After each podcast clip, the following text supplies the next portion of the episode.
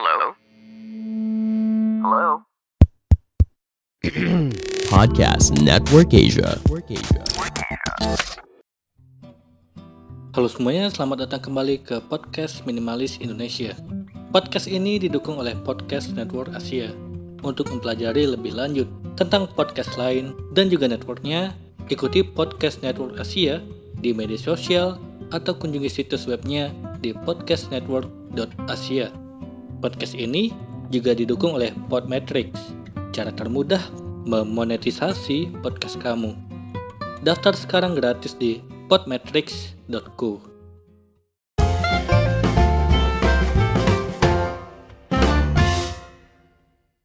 Halo semuanya, kembali lagi bersama saya Madianto. Kali ini kita akan membahas tentang cara menghemat uang belanja menurut pakar. Belanja mingguan atau bulanan merupakan salah satu aktivitas yang menyenangkan. Tapi tak jarang kita lapar mata saat berada di swalayan. Niatnya hanya membeli kebutuhan dapur, tapi keranjang penuh dengan cemilan dan barang diskonan yang tak kita butuhkan. Agar pengeluaran tidak bengkak, penting untuk melakukan perencanaan dan perhitungan anggaran belanja bulanan ada sejumlah saran yang diberikan pakar keuangan agar para ibu rumah tangga bisa mengefektifkan uang yang dipakai saat berbelanja tanpa perlu membeli barang yang tidak terpakai atau tergiur dengan diskon. Hitung berapa banyak uang yang perlu dibelanjakan.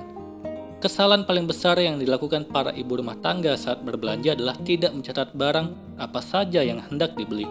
Hasilnya mereka melenggang masuk ke swalayan dan dengan mudahnya memasukkan barang yang diinginkan ke keranjang belanjaan tanpa memikirkan skala prioritas. Hal ini tentu tidak sesuai dengan prinsip berhemat. Bola Sokunbi mengatakan penting membuat rencana makanan apa yang akan dimasak dan berapa orang yang memakannya. Laura Dempster, yang merupakan pendiri dan blogger The Thrifty Londoner, menyampaikan mengecek pengeluaran saat berbelanja selama beberapa minggu akan membantu seseorang untuk mengetahui pola belanjanya. Dengan demikian, ia bisa menentukan apakah akan membeli barang-barang tertentu dalam jumlah besar atau membeli barang-barang yang umum untuk menghemat uang. Kedua, rencanakan apa yang akan dimakan selama seminggu. Merencanakan makanan apa saja yang akan dimasak selama satu minggu juga penting dilakukan.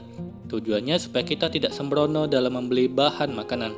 Penting juga untuk memikirkan barang-barang yang tidak tahan lama, seperti ikan, telur, daging, produk, atau susu. Dengan cara ini, seseorang yang berbelanja tidak hanya pergi ke swalayan untuk membeli satu barang, tapi juga membeli barang-barang lain yang dibutuhkan sekaligus. Ketiga, pergi ke swalayan saat tengah minggu. Kebanyakan orang memilih berbelanja di akhir pekan seperti di hari Sabtu atau Minggu.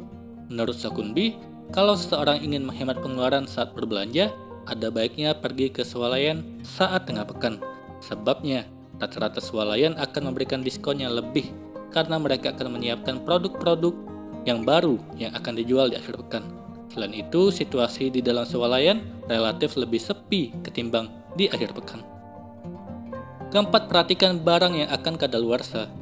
Kamu pasti pernah mendengar bahwa cara berbelanja yang cerdas adalah dengan membeli barang yang akan kadaluarsa karena harganya pasti akan murah.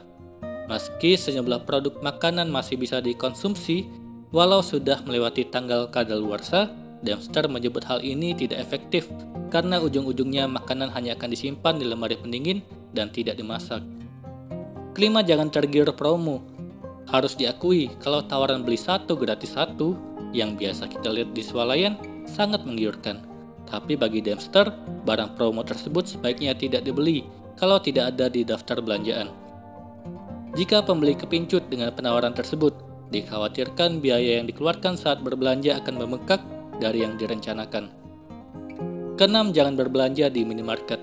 Barang yang dijual di minimarket harganya cenderung lebih mahal, kecuali butuh membeli sesuatu yang mendesak. Kalau ingin berhemat, sebaiknya berbelanjalah di pasar atau toko grosir. Ketujuh, jangan takut untuk mengembalikan barang. Ada kalanya setelah berbelanja, kita merasa barang yang dibeli tidak sesuai dengan yang dibutuhkan. Kalau swalayan tempatmu berbelanja memungkinkan pembelinya mengembalikan barang belanjaan selama produk masih tersegel, maka jangan takut untuk mengembalikannya. Kalau tidak, kita akhirnya membuang uang untuk sesuatu yang tidak berguna. Itulah tadi cara menghemat uang belanja menurut pakar. Semoga ini bermanfaat. Sekian dan terima kasih. pandangan dan opini yang disampaikan oleh kreator podcast, host, dan tamu tidak mencerminkan kebijakan resmi dan bagian dari podcast Network Asia. Setiap konten yang disampaikan mereka di dalam podcast adalah opini mereka sendiri dan tidak bermaksud untuk merugikan agama, grup etnik, perkumpulan, organisasi, perusahaan, perorangan, atau siapa pun dan apa pun.